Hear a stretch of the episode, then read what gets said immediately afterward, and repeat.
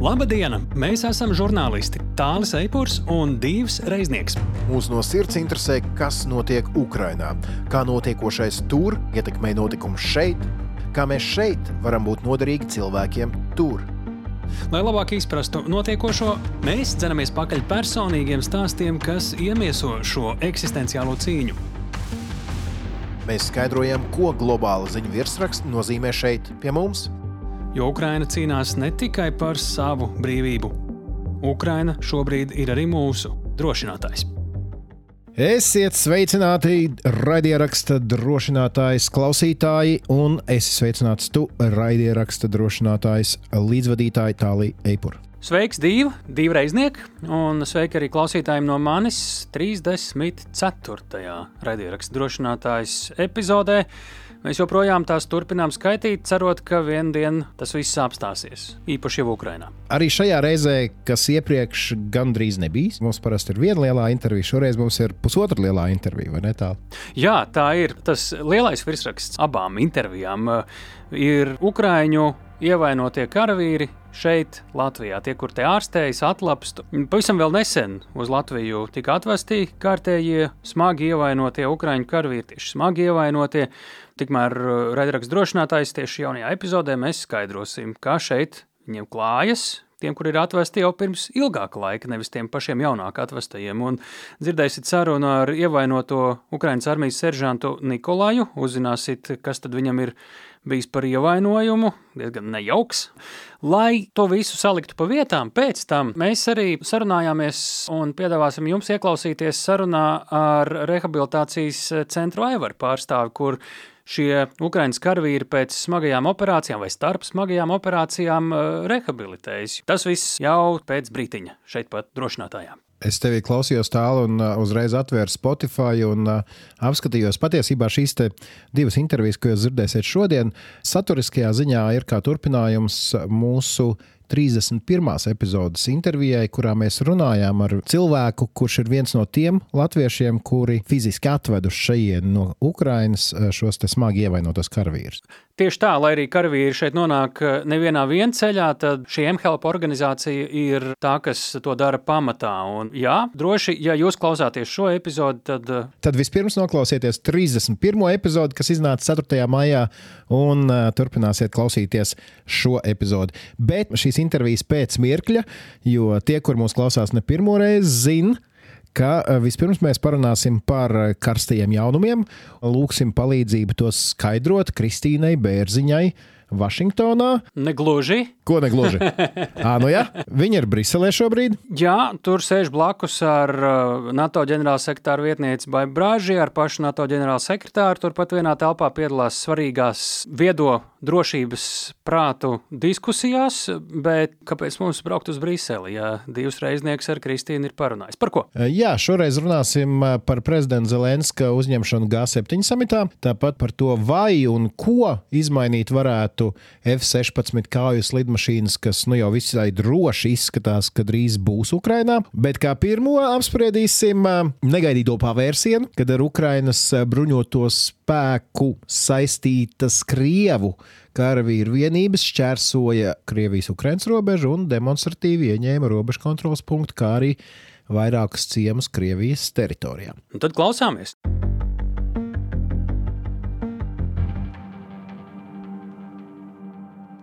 Sveiki, Kristīne! Sveiki, sveiki! Klau, nu sāksim ar šīs aizgājušās nedēļas mīklaināko ziņu aktīva kustība Krievijas-Ukrainas pierobežā, bet šoreiz jau Krievijas pusē. Proti, pienāca ziņas, ka Leģions Brīvā Krievija un Krievu brīvprātīgais bataljons abi šie formējumi ir saistīti ar Ukraiņas armiju, pārgājuši Ukraiņas-Krievijas robežu, ieņēmuši vairākus ciematus un nu, izvērš tur kaut kādu darbību. Ukraiņas Oficiālās iestādes teica, jā, ir tāda lieta, bet viņi rīkojas neatkarīgi. Kā uz šo skatīties, ja skatāmies no tava ekspertes skatu punkta?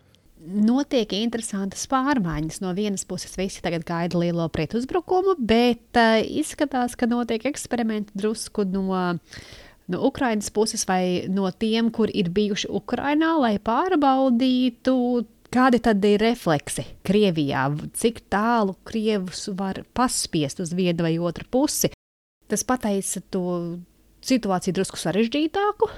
Bet man liekas, ka, ja ļaut arī Kremlim drusku noraustīties par to, kas notiek valstī un kas notiek pierobežā, tas nav maznozīmīgi. Tur ir vairākas interesantas detaļas, kas man izsauc pastiprināti interesi. Viens ir fakts, ka šie divi militārie formējumi ir veidoti no Krievijas pilsoņiem. Vismaz tik, cik mēs zinām. Tā tad patiesībā nav tā, ka Ukrāņi būtu iebrukuši Krievijā, bet Krievi tīra savu sētu. No otras puses, mēs redzam, ka reakcija ir.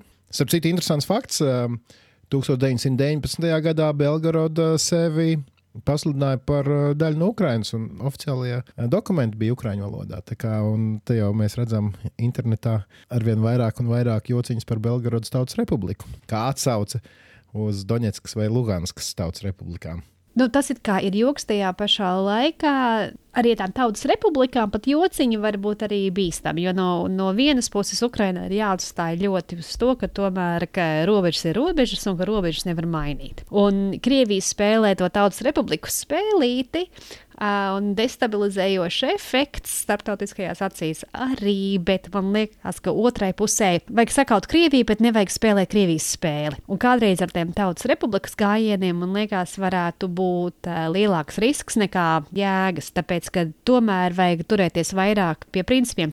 Un tas tautas republikas tas, uh, jēdziens, man liekas, varbūt drusku bīstams un drusku jābūt piesardzīgiem par to.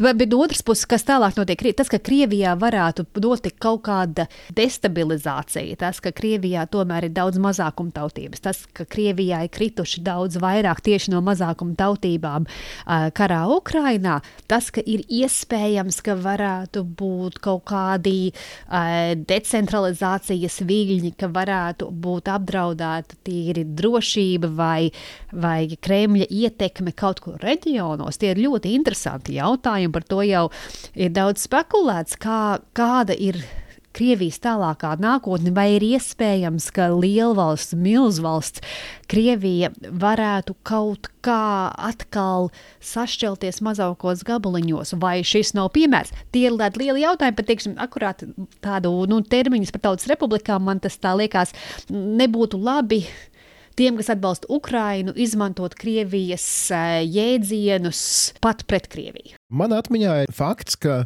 Kievas eh, pretizlūkošanas vadība un dažādi militārie pārstāvji eh, jau kādu laiku runājot par pretuzbrukumu, ir teikuši, ka tad, kad mēs sāksim, jums būs pārsteigumi.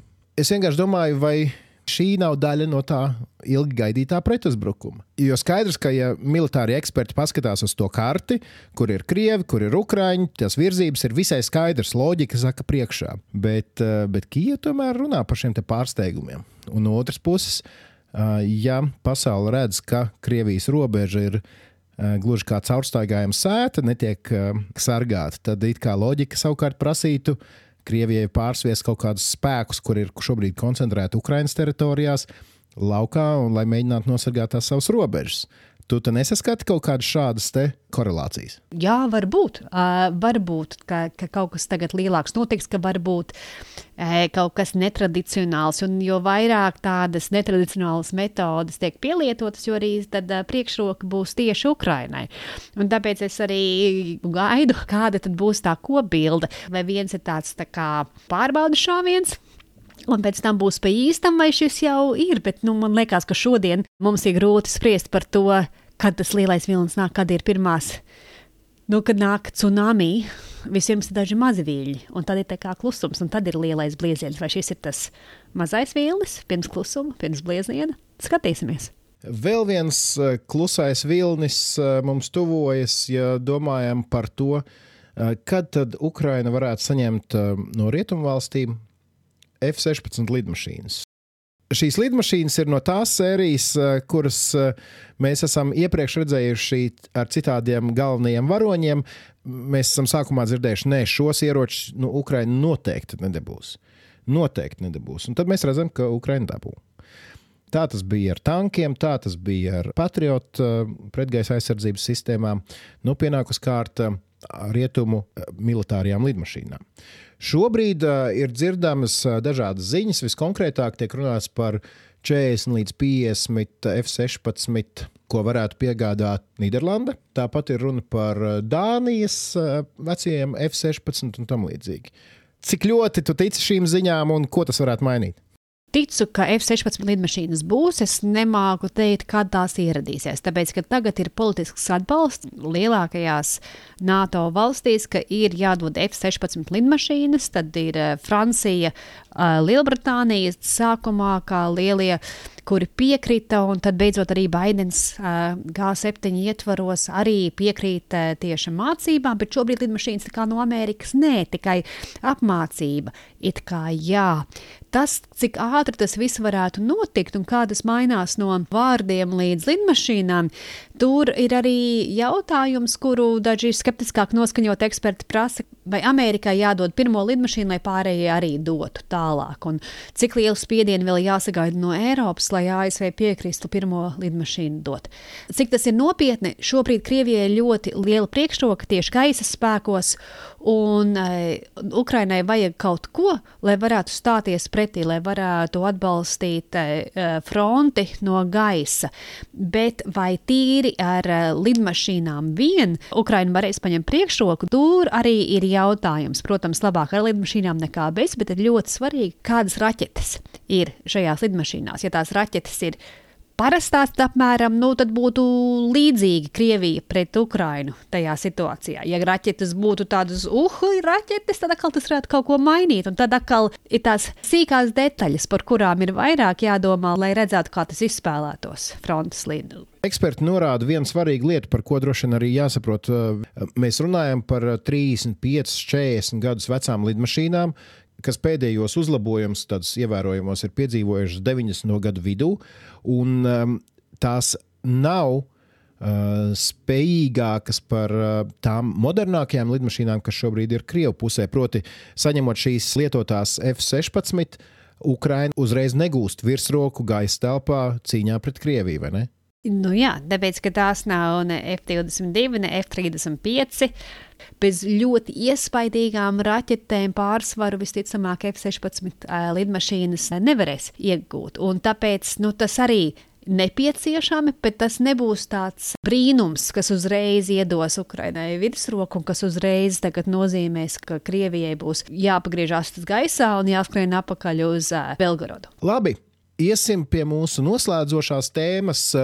G7 samits, tātad pasaules ietekmīgāko valstu līderis satiekas vienopus. Šoreiz tas bija Japānas pilsētā Hirosimā, un tur parādījās arī prezidents Zelenskis. Tikās ar līderiem aci pret aci, tā skaitā Indijas vadoni, kurš līdz šim vairāk flirtējis ar Maskavu ja tā pavisam īsi, kādas būtu tās galvenās lietas, kuras uh, sasniedz ar savu vizīti Japānā prezidents Zelenskis? Dažādas lietas. Zelenskis nevis sēž cietoksnī Kijavā, bet ir pasaulē. Un ka viņš e, drīkst sēdēt pie viena galda un ir savā ziņā vienā līmenī ar e, G7 līderiem. Un svarīgi tas, kurā krēslā savā ziņā Zelenskis sēdēja. Agrāk bija nevis G7, bet bija G8, un prezidents Putins sēdēja pie tā galda, tajā krēslā un redz, kā tagad Zelenskis ir ieradies un sēž savā ziņā Krievijas krēslā. Tīri simboliski tas arī ir ārkārtīgi svarīgi, tāpēc, ka tas parāda Ukrainas lomu pasaulē, tas parāda, cik nopietns ir pasaules atbalsts, G7 atbalsts tieši Zelenskim un Ukrainai.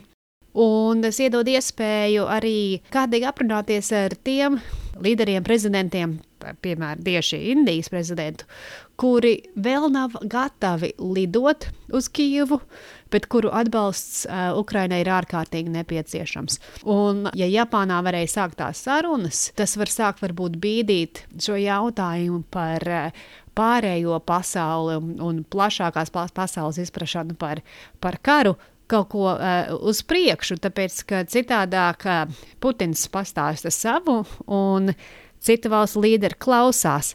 Un uh, bāzes degunas Ukrainā tie nevēlas, bet ja Ukraina parādās pie viņiem blakus, pie galda, tas ir, tas ir kaut kas pavisam cits un tas ir tas ir nozīmīgi. Bet, tavuprāt, Zelenskim šī sapulce bija svarīga vairāk dēļ tās fotografijas, ko beigās uh, pasauli ierauga, ka jā, Lūk, Zelenskis ir. Uh, turpat, kur ir pasaules ietekmīgākie līderi, vai šeit tomēr bija runa arī par praktiskām lietām, kā palīdzība, kā atjaunošana, kā militārās piegādes.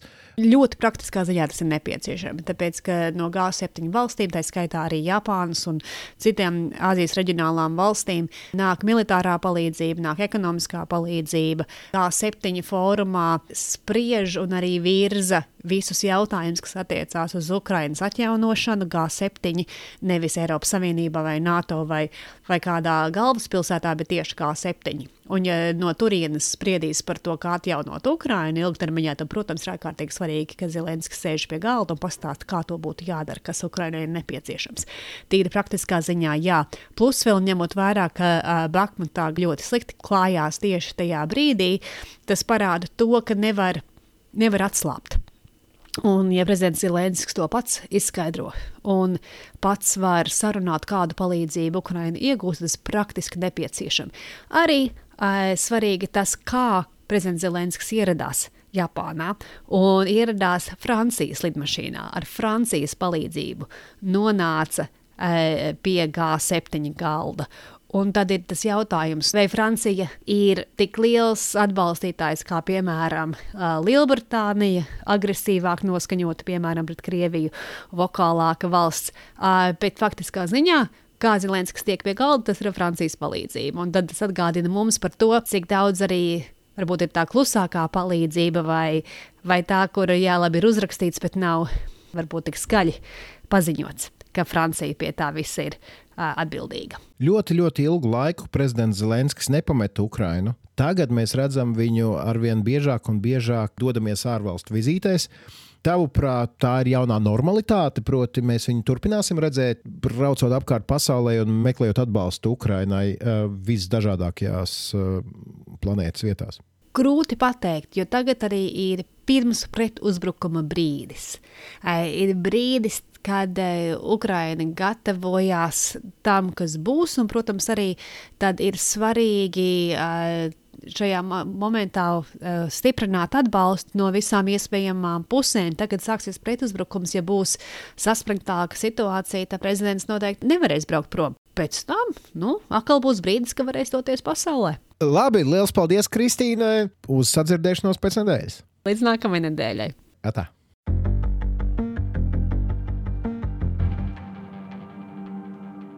Nu, ko Zelenskis pagaidām vēl nesēdēja 16, sēdēja vienkārši Francijas lidmašīnā, civilajā, bet nu, jāskatās, kuros mēnešos tad reāli virs Ukraiņas gaisa telpas varētu ierūkties šie lidaparāti, tie, kur F-16. Jā. Te ir tiešām šīs militārās nianses ir interesantas savā ziņā, tāpēc, ka man vienmēr galvā ir jautājums, cik daudz mēs nezinām, cik daudz netiek publiski teikts. Jo tas, ka viss netiek teikts publiski, nu, ir pilnīgi skaidrs. Ja?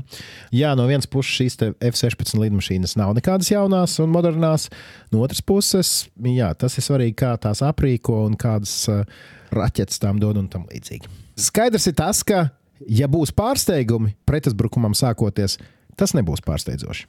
Mēs ļoti ceram, ka tādi pārsteigumi būs un ka tie būs eh, krietni vien par labu Ukrainai. Mēs esam redzējuši, ka tas ir iespējams un eh, ņemot vērā visu lielo noslēpumainību, tiem ir jābūt. Bet mēs eh, to daļu tiksim pie daudz jaunām zināšanām vai izpratnes un pie sarunām, jo stāsts ir par ukraiņu karavīriem, kuri ir Ukrainā bijuši smagi ievainoti un kuri vienā vai otrā veidā ir nonākuši ārstēties un atlapt Latvijā. Un, jā, mēs izvēlējāmies eh, šo tēmu pēc tam, kad jau bijām runājuši ar šo karavīru vedējiem vai transportētājiem uz Latviju vai organizētājiem. Un nolēmām, ka ar vienu šādu cilvēku ir jāprunājas pašiem, kāda tad ir viņa pieredze, kā viņš tika savainots, kā Ukrainā un kā Latvijā atšķiras šīs ārstēšanas, vai Latvija šajā gadījumā ir veiksme, salīdzinot, nu, piemēram, ar Vāciju vai kādu citu valsti. Tā soli pa solim man izdevās sazināties ar Ukrāņu karavīru Nikolaju, Ukraiņas armijas seržantu. Viņa vēsturi dzirdēsiet plašāk jau sarunā, bet uh, jā, izrādās mēs pat nesatikāmies ne slimnīcā, nesatikāmies arī rehabilitācijas centrā Vaivari, kur viņš, tā teikt, ir uzskaitēti šobrīd. Satikāmies vienkārši studentu kopmītnēs, kur viņam bija Rīgā atrasta pagaidu mājošana, jo viņam uz vietas tajā brīdī rehabilitācijas centrā nevajadzēja būt. Nu, es vienkārši satiku puisi uz kruķiem. Nu, pirmais, ko es ieraudzīju, bija, bija visai saudabīgi izskata papēdis. Un arī tādas rētas viņam kājās, tā kā vienkārši bērns brīnījos nedaudz, kā tas viss izskatās.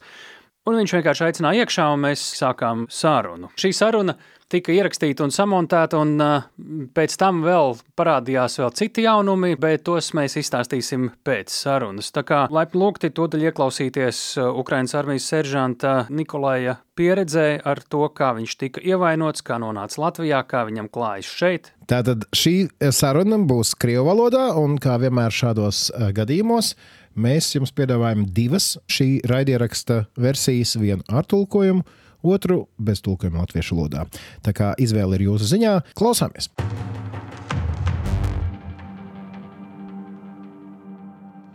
Добрый день. Здравствуйте. С кем мы имеем честь? Я уроженец Латвии, меня зовут Николай, я родился в городе Венспилсе. В данное время проживаю в Польше, но после Латвии жил долгое время в Украине. Мои родители военные. Мы жили в Венспилсе где-то до моих двух лет. Потом переехали в Ригу, жили в районе Балдырая. И в 93 году, когда Союз распался, мы переехали в Украину, поближе к родителям моего отца. Это ты сколько в Латвии? Десять лет. Откуда ты в Украине, так можно спрашивать? Есть такой город Владимир Волынский. Это западная Украина, недалеко с границей от Польши. Городу 1030 лет, очень старый, очень известный. Ну, если вот твоему сердцу спрашивать, ты оттуда?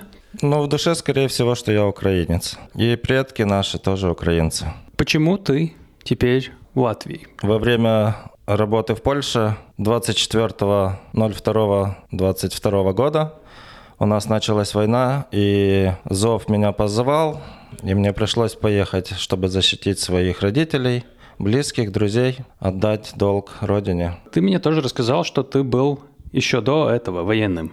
Да, с 2003 по 2018 я находился на службе контрактной, профессиональной военной в Украине. Ну и так получилось, что задержался на долгое время, поехал в ротацию в Югославию, Потом началась война в 2014 и пришлось задержаться на неопределенное время. В Югославии я был в Косово, в Украине Луганск, Донецк.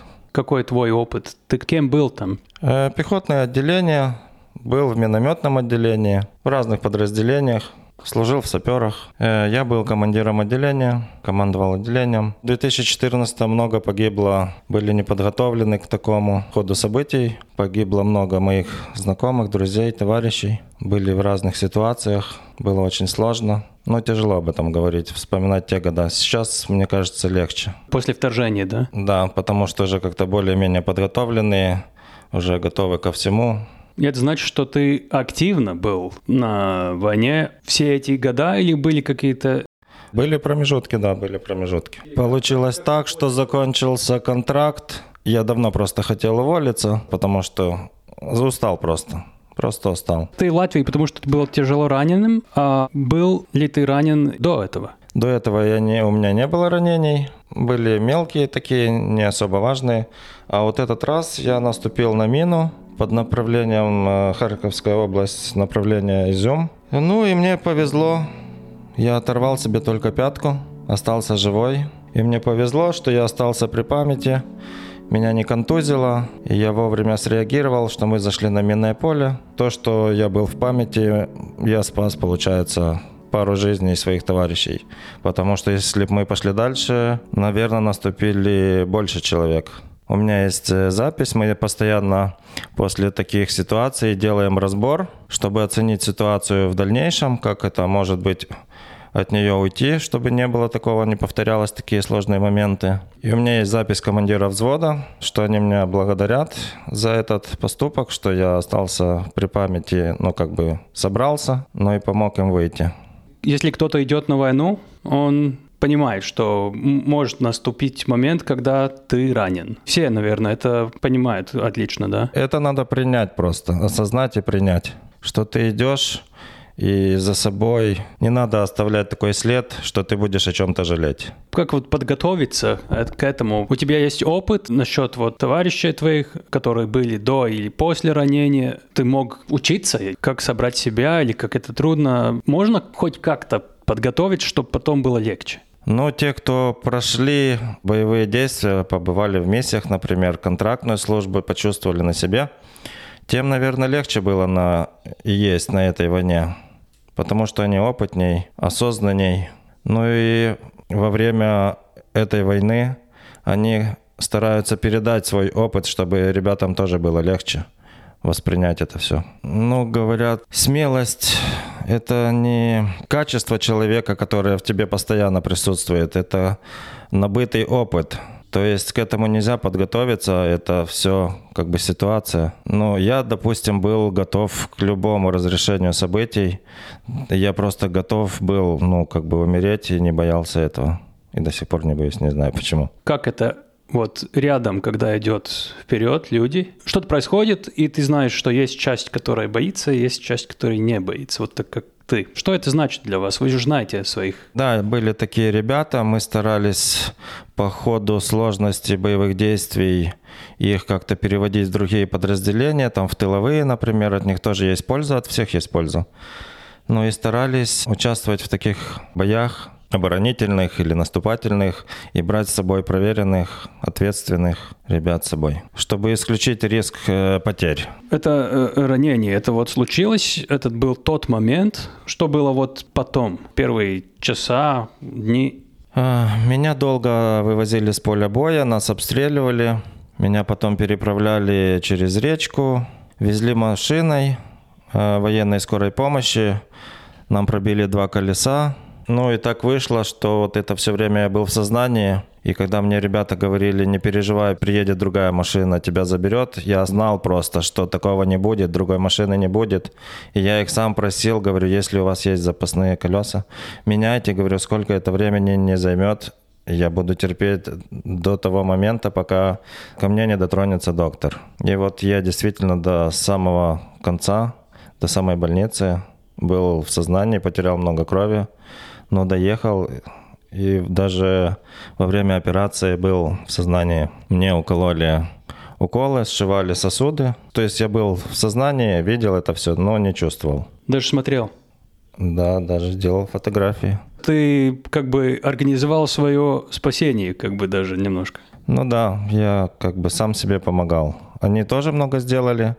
Большую часть ребята сделали с выносом меня. Меня далеко несли, где-то до трех километров до речки, а потом через речку переправляли. Долго ехали на короткую дистанцию из-за пробитых колес, из-за ситуации. Эта территория теперь э, считается освобожденной? Эта территория уже освобожденная, так. Потом, сколько ты там пролежал в Украине и как это развивалось э, насчет направления Латвии или После первой помощи был план эвакуации.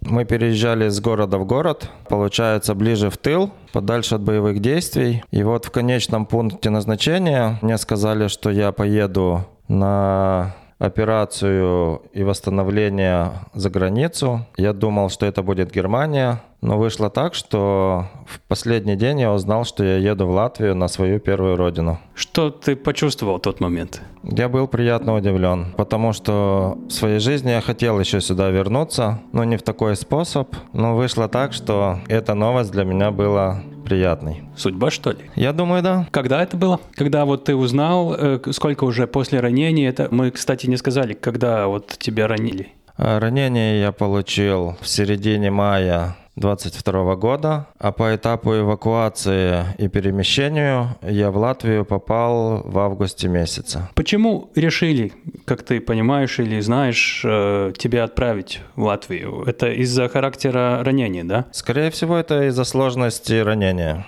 Ты сам и для этого ничего даже не делал, просто было такое решение, и тебя отправили, да? Да, да. Врачи подали мою кандидатуру на реабилитацию и операцию Министерства охраны здоровья. И Министерство охраны здоровья по договоренностям с государствами Евросоюза направило меня в Латвию на операцию и реабилитацию.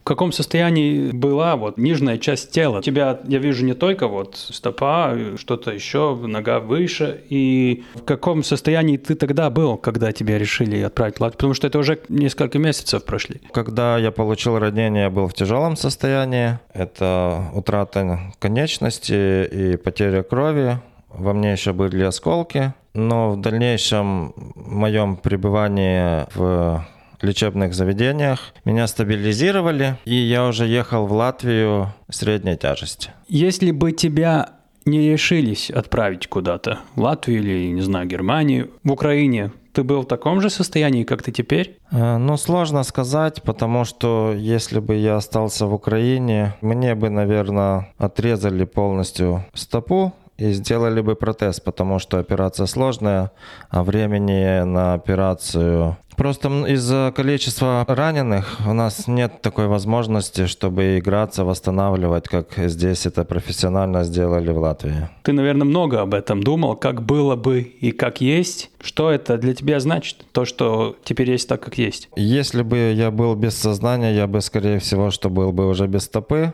Ну, а так при первой помощи мне врач посоветовал, говорит, если перед операцией будет возможность поговорить с хирургом, проси его, потому что у меня пальцы как бы мои остались, только оторвала заднюю часть стопы. И мне вот повезло, что при последующих операциях меня оперировал хирург, который в моей области, он был военным хирургом. Просто вот такая как бы родственная связь, получается, земляк земляка увидел, и как бы ты, наверное, видел и товарищей, которые с протезами, и ты вот с восстановленной ногой. В чем разница? Ну, я считаю, да, мне повезло, потому что я видел много знакомых, товарищей, близких даже людей, с которыми я проходил службу. И у каждого были разные сложности ранений, и осколочные, и минно-взрывательные и были такие, что обожженные были, и бесконечностей. Но мне повезло больше, потому что у меня оторвало небольшую часть тела. И здесь, в Латвии, придерживаются такого мнения. Мне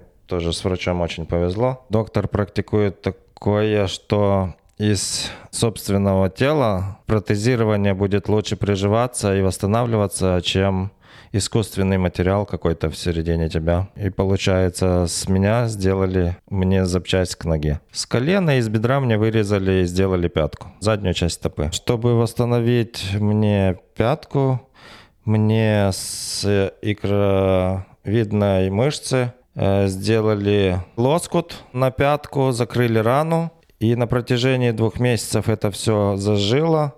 И в декабре месяце я приехал сюда второй раз – и уже с коленной чашечки из бедра мне сделали полноценную часть задней стопы. И что говорят? Как это будет э, или должно развиваться? Ты будешь ходить как все другие или это на всю жизнь будешь там хромать что-то или э, чего вот говорят? Э, ну, для полного восстановления доктор говорил, что мне понадобится три года. Но я надеюсь, что я не буду хромать буду ходить без палочки. Но дальнейшая реабилитация покажет. Что это для тебя значит психологически? Можно быть по-разному. Я сам был в реабилитации именно в Айворе. Я помню очень трудную работу, чтобы восстановить. Да, большая часть восстановления зависит от самого себя. Надо над собой работать, стараться проводить большую часть в упражнениях, потому что реабилитация дает э, минимум, они подсказывают тебя, направляют, занимаются с тобой, но большая часть восстановления зависит от самого себя. Мне очень трудно было самому, когда мне, мне так надо было делать. Ну, надоело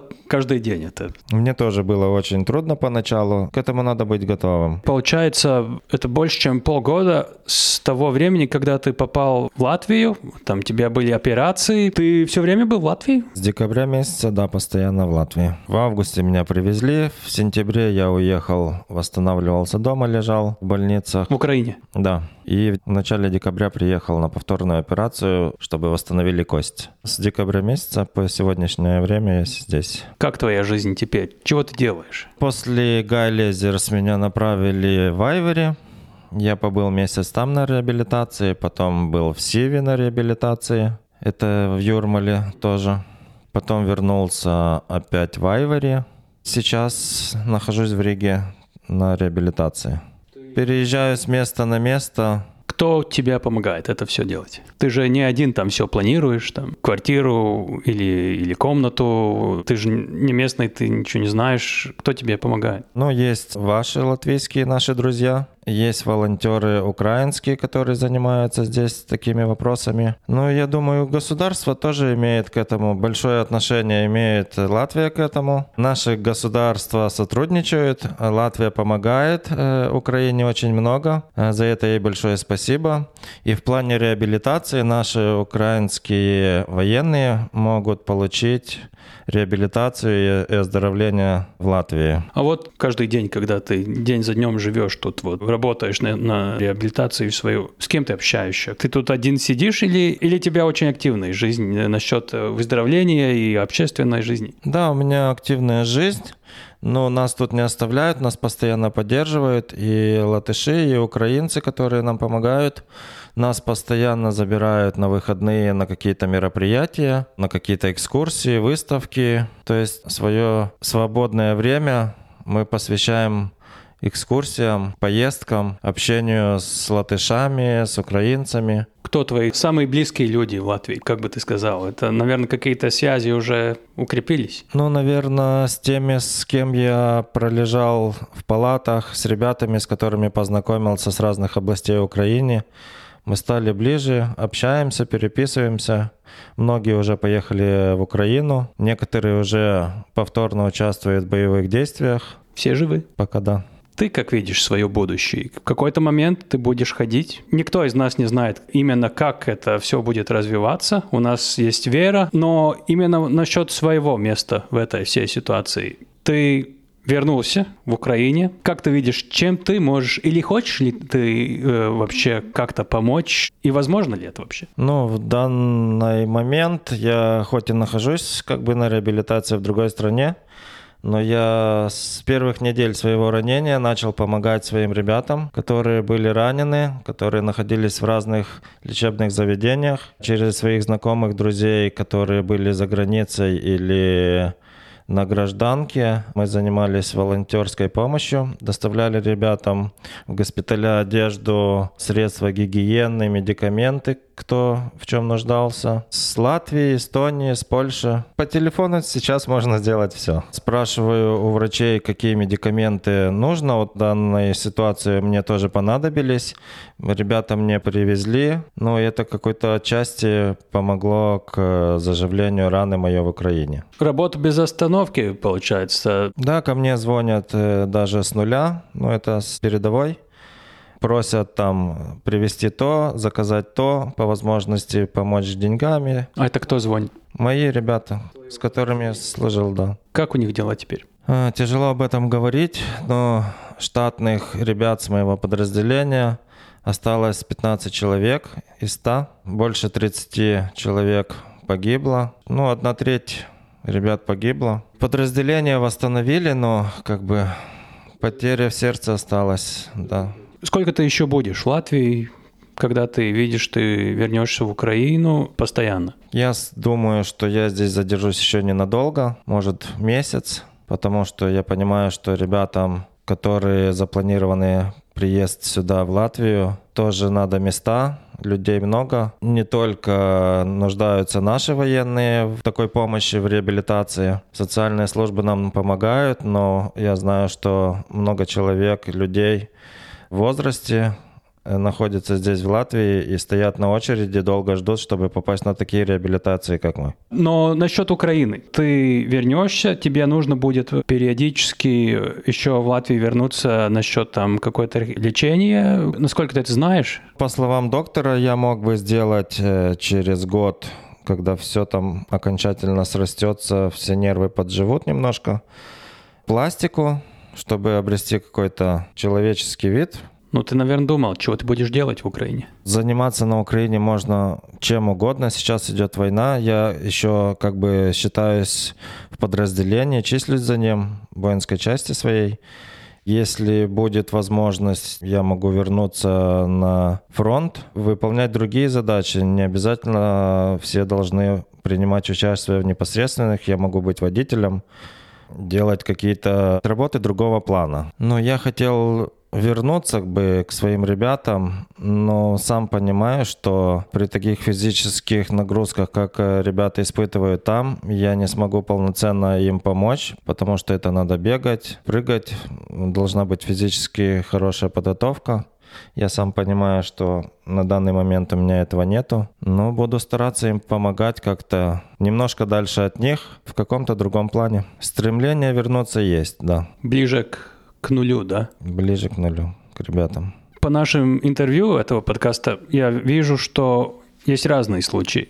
Есть это стремление вернуться, очень сильное даже, что-то вроде зависимости уже от войны. У других есть, как хорошо, что меня там нету, я не смогу больше.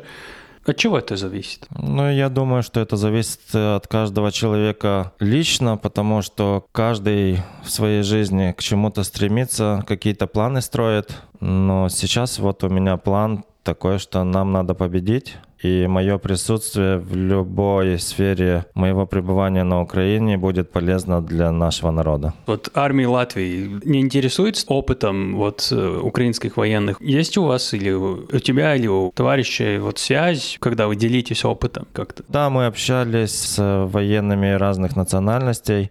Мы были на базе НАТО в Латвии на экскурсии. Нам показывали быт военнослужащих этих подразделений. Да, обмениваемся опытом. Каждое использование чего-то опыта помогает в дальнейших участиях в таких действиях. Чего ты хочешь еще в Латвии успеть сделать? Сначала я здесь родился, я прожил 8 лет в Риге и хотел бы вернуться посмотреть на то место, там, где я пробыл свое детство. Я помню эти места, помню улицы. Хотел бы вернуться ну, провести такую маленькую экскурсию, чтобы напомнить себе, как я провел детство. Часто спрашиваем у наших собеседников, как вам можно помочь, или, ну, хоть бы один способ какой-то, или как кому-то другому можно помочь, что бы ты посоветовал, чего бы ты хотел людям, которые слушают, на что ударение ставить? Мне кажется, что вы достаточно нам помогаете, но нашим слушателям хотел бы попросить, чтобы они лояльно относились к людям, даже не просто к украинцам, а к своим гражданам, которые живут в Латвии, к людям с ограниченными возможностями относились бы лояльнее, потому что я не имел таких проблем, но когда с ними столкнулся, я стал глубже понимать таких людей. Ну, я всегда помогал людям, но таким людям я стал относиться больше с уважением, потому что они заслужили помощи от нас всякого рода вида. Да, даже для таких людей, которые ездят на каталках, пантусы, подъемники, в автобусах, в магазинах, чтобы им уступали место, помогали им. Самую мелочь даже перевести через дорогу при любой возможности. Я бы хотел использовать возможность ты был там, на первых линиях, очень хорошо понимаешь и теперь, что там творится, видишь теперь со стороны и был внутри, да, как это все, по-твоему, будет развиваться в ближайшее время, месяц, недели, годы? Ну, это не зависит от моего мнения, просто по нашим данным, я тоже смотрю новости, общаюсь с ребятами, которые находятся сейчас там. Должно быть наступление, оно же в процессе. Скорее всего, что мирным путем нам не удастся забрать Крым, и это будут военные действия до самого конца. Украина должна быть свободна, независима от захватчиков, от Российской Федерации. И я считаю, что до конца этого года Большая часть Украины будет освобождена, но в политическом плане война продлится, скорее всего, что до 24 года. Что тебе дает основу именно вот такое мнение рассказывать? Ну, я верю в наши силы. Это все еще началось с Майдана, с с революцией помаранчевой. И люди восстали, чтобы быть свободными, независимыми. Сейчас у нас появилась такая возможность, что у нас президент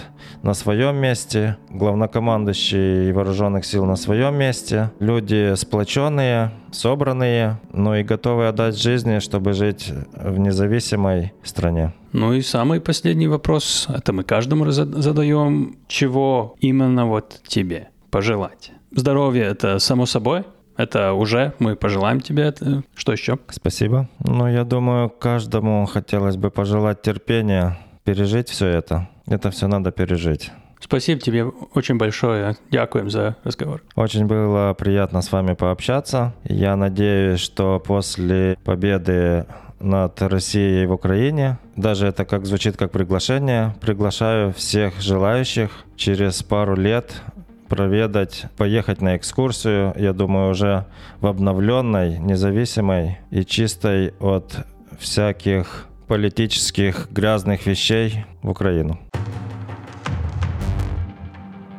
Paldies, Tāli! Paldies arī Ukraiņas armijas seržantam Nikolajam, bet ar to mūsu raidieraksts nekādīgi nebeidzas, jo Jā, nu sākumā es paskaidrošu vēl nedaudz pie jau dzirdētās sarunas klāt. Jāsaka tā, katram šim ukraiņu karavīram tas stāsts ir, nu, cik vien var būt individuāls un personisks. Piemēram, Nikolajam, viņam pēc intervijas vēl zvanīju dažas lietas precizēt, starp citu palūgt arī bildes, kuras LSM portālā jūs varat aplūkot, jo tur šo interviju drīzāk agri nekā vēlu varēs arī izlasīt tiem, kuriem tā ir ērtāk, bet Nikolais arī nejauši atklāja, jā, viņa plāns ar došanos jau tuvākajās dienās prom no Latvijas ir izgāzies, jo viņš vienkārši to jau savainoto un apārstēto kāju ir vienkārši pakrītot kaut kur paklūpot ar visiem tiem kruķiem un kāpnēm.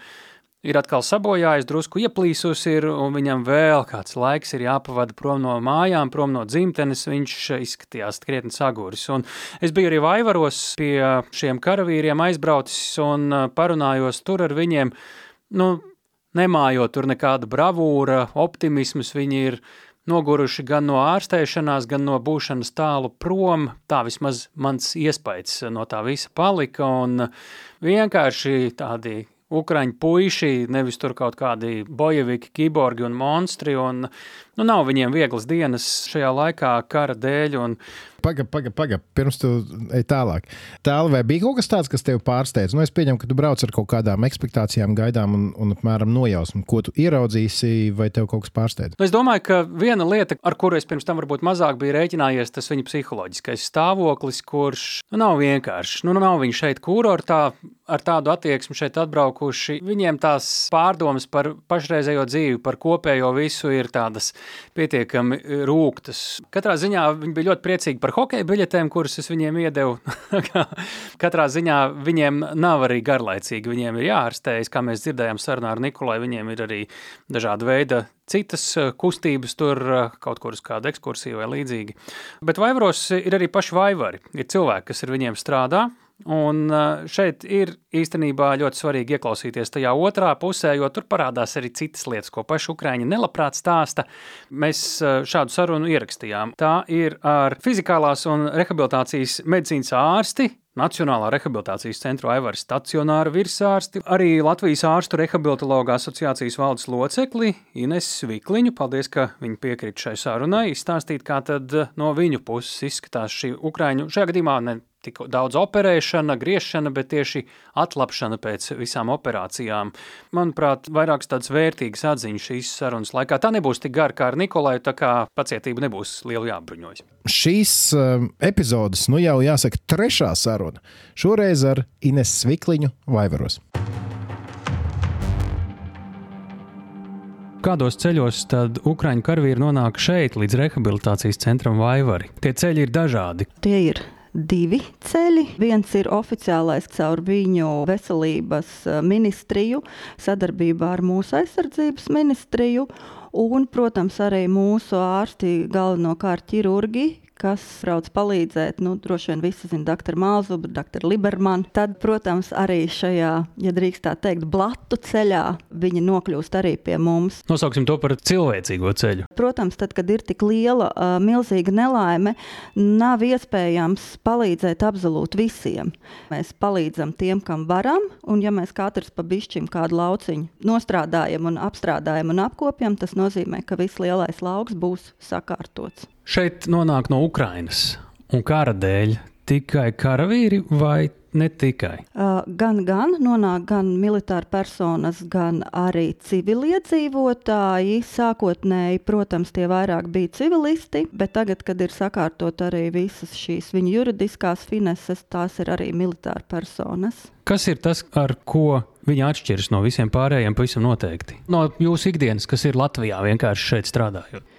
Ar ukrāņu pacientiem mēs līdz galam nezinām, kur un kā viņi atgriezīsies. Tāpat tās arī īstenībā mēs neviens nevaram iedomāties dziļi izprast, kam viņi ir gājuši cauri. Tas vienkārši nu, nebūtu iespējams. Arī pie mums Latvijā rehabilitācija tā ir jauna nozare.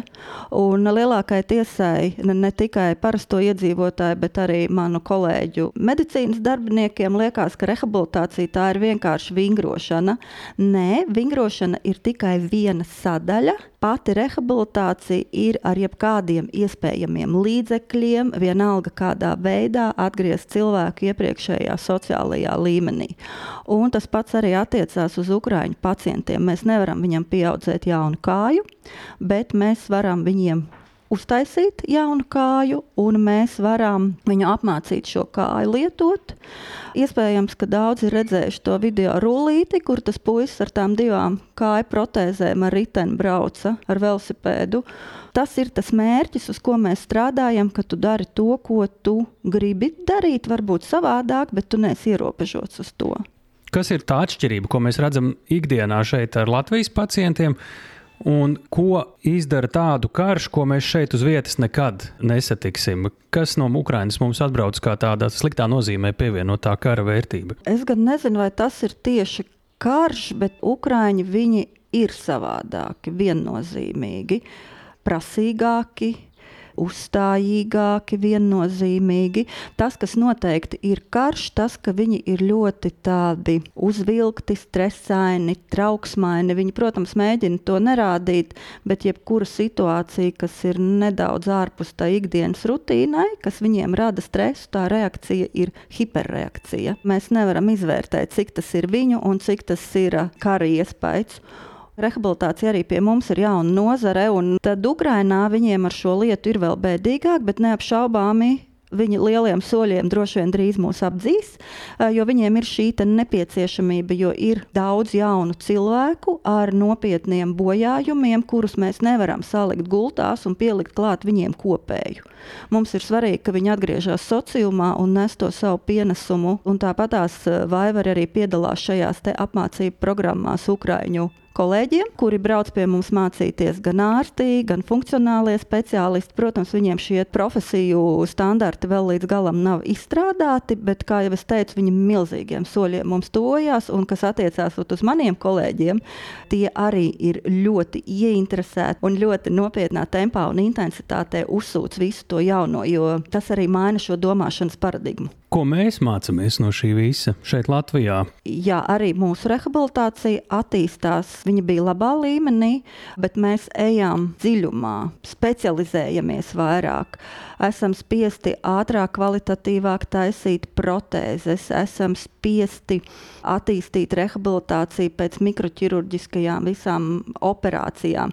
Es nesaku, ka tas nebija. Tas bija, bet noteikti ar Ukrāņiem mēs redzam, ka to vajag daudz vairāk, daudz intensīvāk intensīvāk, un pie tā arī tas darbs notiek. Personāls varētu būt vairāk. Kas par šo visu samaksā beigās? Tas ir reāli papildus darbs, varbūt arī grūtāks darbs, ņemot vērā tos psiholoģiskos aspektus. Ko tas prasa no kā šobrīd? To maksā visa Latvija, visa Eiropa. kad ir šie dažādie projekti, kuru ietvaros šie pakalpojumi tiek sniegti, bet es nezinu, vai to var naudā līdz galam izmērīt. Katra darbinieka ziedojums Ukrainai tas arī kaut kādā ziņā ir. Īstenībā jā, jo ne visi mēs varam ziedot lielas naudas summas vai nopirkt tur piecas patronas katram karavīram, bet mēs kā medicīnas darbinieki noteikti ieguldam savu darbu, papildus laiku, papildus arī šo psiholoģisko enerģiju. Jo, protams, kad ar šiem pacientiem strādājot, tev ir jābūt vēl pacietīgākam kā parasti, vēl iejūtīgākam kā parasti,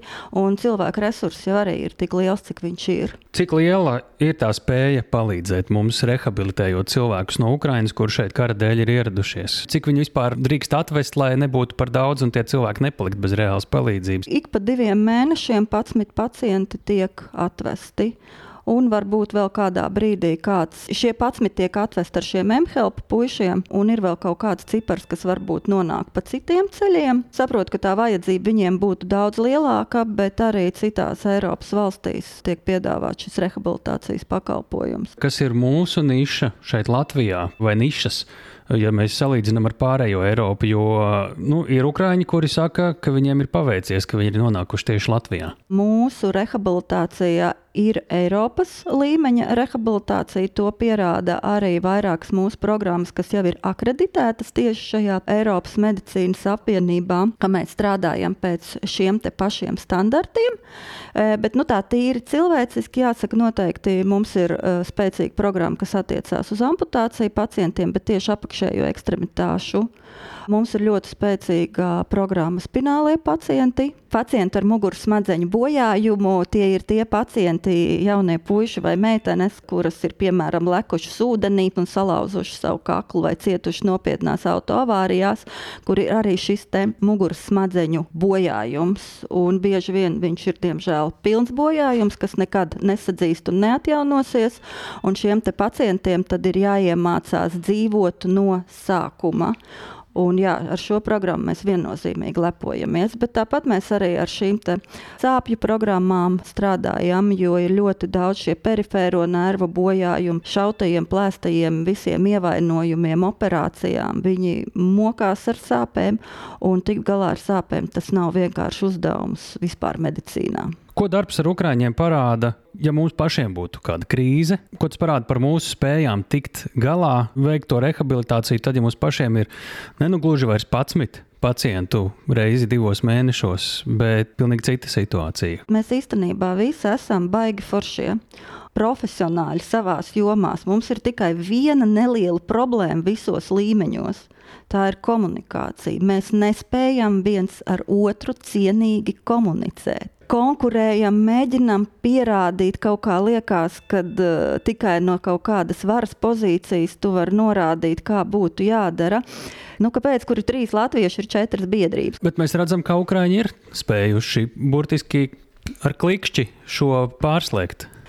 O, jā, dzīve viņus piespieda, jo tad, kad mēs ar doktoru Nulu bijām 18. gadā vai 17. Ukrainā, tur bija šī sabiedrības polarizācija. Bija tie, kas bija tajā karā iekšā. Viņiem bija pilnīgi nepieņemami, nu, kā tie pārējie var nesaprast. Un tad bija šī otra sadaļa, kad uz mums tas neatiecās. Bija pilnīgs, pilnīgs noliegums. Protams, ka tā arī ir tāda psiholoģiska barjera, ka tu aizsargājies, jo karš nu, tās laikam ir viens no lielākajām šausmām, ko cilvēks var izdomāt. Droši vien šīs briesmīgās briesmīgās situācijas ir tās, kas mūs visus mobilizē, un arī viņus ir mobilizējuši. Tāpēc es arī saku, ka mēs tiktu galā, un pa lielam mēs jau arī vienmēr esam pierādījuši, ja notiek kaut kāda nelaime, Latvijas ļoti uzreiz savācās un palīdz, un to savu egoismu bišķiņa aizmirst. Es nezinu, kāpēc mēs priekos to pašu nedaram. Par Ukrāņu karavīriem, kuri ir šeit, kādās stadijās jūs viņus saņemat? Kas šeit atbrauc? Tas karavīrs, ar kuru mums bija plašāka saruna, viņam vienkārši bija uz mīnus norauts papēdis. Ko jūs vēl saņemat? Īstenībā tas nebūtu nav tik vienkārši, ka uz mīnus ir norauts papēdis. Viņš arī bija pilns ar šķēmbām, viņam ir diezgan nopietnas arī šīs psiholoģiskās problēmas. Norautā papēža dēļ viņš arī ir gājis ļoti daudzām operācijām cauri. Viņš ir ilgstoši bijis guļošs ar visu no tā izrietošo, ka visas sistēmas vairs nav pietiekami spēcīgas, nav, viņām arī ir nepieciešams laiks atjaunoties. Man ir skaidrs, ka mums būtu nepieciešams viņus saņemt ātrāk, bet tas nav iespējams. Akūto rehabilitāciju viņiem ir jāveic pie sevis, un mēs jau strādājam tā tādā vēlīnākā procesā, kad arī ļoti daudz šie ukrāņu pacienti būtu spējuši. Viņiem nevajag mūsu stacionāru. Viņi var strādāt, teiksim, dzīvot eh, ķīpselā, kur jūs arī Mikolu satikāt, un saņemt šo fizioterapeitu, ergoterapeita kaut kādu procedūru pakalpojumu attiecīgi ambulatorā iestādē. Bet kā jau visiem viņiem arī ļoti liekas, ka ir nepieciešams tikai un vienīgi stacionārs, bet te ir atkal jāizvērtē šie finanšu līdzekļi ar ieguvumiem. Tieši tik pragmatiski, jo līdzeklis ir tik, cik viņš ir, un mēs par to gribam palīdzēt vairāk cilvēkiem, un katram sava nelaime, protams, ir vienīgā un īstākā, un katram par sevi ir jāplēšās, bet eh, man kā ārstam ir jāizvērtē, kā es ar to, kas man ir, varu sniegt palīdzību maksimāli daudz pacientiem. Un tas, laikam, ir tas rehabilitācijas ārsta garoza. Jo es tiešām labprāt visus un, un sev blakus un, un lolotu un čubinātu, bet tā tad nebūs adekvāta palīdzība, tā būs tāda žēlošana nevietā. Ja jūs varētu ar piemēriem strīpā saukt, nu tā kā mēs sākām norauc papēdis, šķembas, Kas tās ir par traumām, kuras šeit atbrauc? Tad droši vien ir jāiedomājās, ir augstums, ir dubļi, ir slapjums, troksnis, netīrība, un tad tevī sadzen iekšā visādi šausmīgus dzelžus un lodes un šķembas, un tev norauj kādu ķermeņa daļu. Iespējams, ka tajā brīdī tu pat to neapzinājies, jo ir nenormāls adrenalīns, nenormāla vēlme izdzīvot. Tad visas tās asiņainās brūces, norautās kājas un lerpatas pa tiem dubļiem, tajās netīrajās drēbēs, ak, tu mīli un žē, kas tur ir par infekciju. Ja? Kā viņi saņem palīdzību? Ļoti labs jautājums. Tas tad ir jāprasa viņiem, kurā brīdī un kā. Karā ir tomēr arī šī šķirošana, kuram sniedzam pirmajam un kuram sniedzam nākošajam, kuram ir lielāks šanses izdzīvot. Tad, kad viņi atbrauc jau šeit, protams, kad viņi jau ir um, pirmo palīdzību dabūjuši, viņi ir apkopti, viņi ir nu, jau tādi skatāmi bet viņiem nav locekļu. Viņiem ir paralizētas eh, ekstremitātes, milzīgs stresa līmenis, viņiem ir sāpes visā ķermenī, dažādās vietās sāpa tur, kur nesāp. Mēdz būt arī tādus, mēs, protams, cenšamies neņemt, bet tomēr ar kaut kādām infekcijām, inficētām brūcēm, kas arī tad ir jāārstē. Daudziem no šiem pacientiem kam notiek šī rekonstruktīvā ķirurģija, ir vajadzīga šī ārstēšana par etapiem. Jā, salaboja vienu lietu, tur tas ķirurgiem smalkāk jāprasa. Viņš pastrādā, pēc tam kaut kas apdzīst, to ej uz nākošo etapu operāciju. Tad iedomājieties arī, ja tev tiek plānotas eh, neilgā laikā vairākas operācijas, kā tu jūties. Jo jau viena operācija man šķiet normālam cilvēkam ir pietiekami liels pārdzīvojums. Turklāt viņi arī apzinās, ka tas vairs nebūs tā, kā bija pirms tam. Varbūt tas, ko es no sevis gribētu piebilst, kad uh, mums brīvprātīgie dara ļoti lielu darbu. Atnes, aizved, pienes, izmitina, izvadā visas šīs sadzīves lietas. Bet rehabilitācijā ir viens princips. Jebko, ko tu izdari, tā cilvēka, kas ir jārehabilitē vietā, ir viņam pa sliktu. Ja tev liekas, ka viņš nevar paēst un tu viņu barosi, tu viņam nepalīdzēji. Tu viņu atbīdīji atpakaļ. Un citreiz brīvprātīgie arī vislabāko, vislabāko nodomu vadīti mēģina korģēt, nu kas tam pacientam būtu vajadzīgs. Tā kā sportistam treniņā iedot atpūtu tur, kur viņam nevajag atpūtu, jo viņš grib aiziet uz mērķi un satrenēties. Principā jā, varbūt tāpat ir vieglāk saprast. Un tomēr ir palīdzība, kura ir vajadzīga, kas viņam var palīdzēt arī atlapt. Es ticu, ka ir arī tāda, vai kaut kas tāds ir, ja cilvēkiem ir labi nodomi, laiks, spējas, kur Ukrāņu pacientiem vai vai jums var palīdzēt, lai tas mērķis ātrāk tuvotos. Nē, nu kā arī šiem te Ukrāņu pacientiem droši vien viņš ir jāizved ārā no šī invalidizācijas loka, jo invalīds tas vai invalidizācija vai invaliditāte tas nav tas, ka mums mums ir kaut kāda trauma, kaut kāda seku parādības pēc slimības,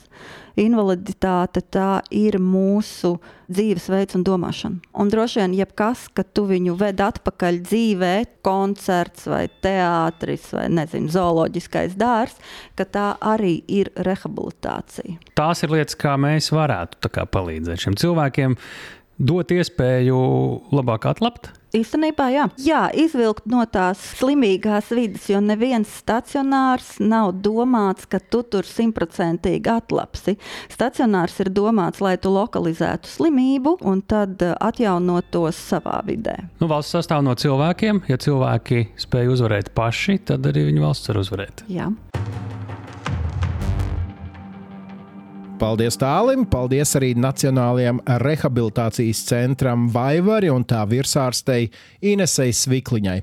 Nu, katrā ziņā, ja jums bija jautājumi par to, kā ievainotie Ukrāņu karavīri nonāk Latvijā, kāpēc viņi nonāk, kuri nonāk, kuri nenonāk un kas ar viņiem šeit notiek, tad es ceru, ka jūs esat saņēmuši visas atbildes. Atgādināšu, ka par to, kā šie karavīri nonāk Latvijā, jūs varat klausīties lielo interviju drošinātāja 31. epizodē, kas iznāca 4. maijā. Un, ja jūs domājat, ka šo visu būtu vērtīgi dzirdēt vēl kādam, nu, aizsūtiet linku ar mūsu epizodi kādam savam draugam, radam paziņam. Nu jā, tu teici, ka mēs visu uh, esam jau pajautājuši un atbildējuši. Varbūt šajā sarunā, ja jums tā nešķiet, ja jums vēl ir kādi jautājumi vai ierosinājumi, divas tūdaļ pateiks, kur vērsties. Jā, starp citu, es uh, aicināšu pēc palīdzības mūsu klausītājus. Ja jūs klausāties tajā dienā, kad uh, šis podkāsts iznāk, atrakstiet ātri uz drošinātājs Latvijas Radio LV ieteikumu, ko man intervēt nākamnedēļ. Man bija sarunāta intervija, bet tā pārcēlās uz 2. jūniju. Tā kā šis ir īstais mirklis, kad nākt man talkā. Vajag jau uz nākamo nedēļu. Jūs klausāties vēlāk, šo neņemiet vērā. Šo neņemiet vērā, ja jūs klausāties vēlāk.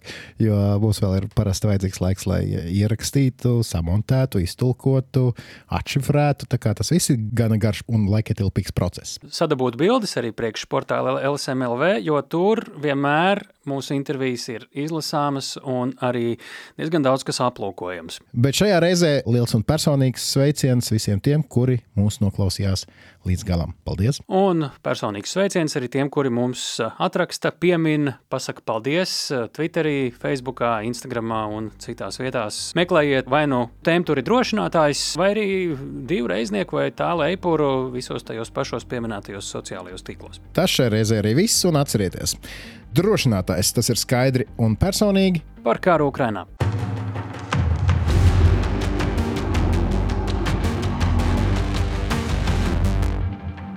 Raidieraksts drošinātājs.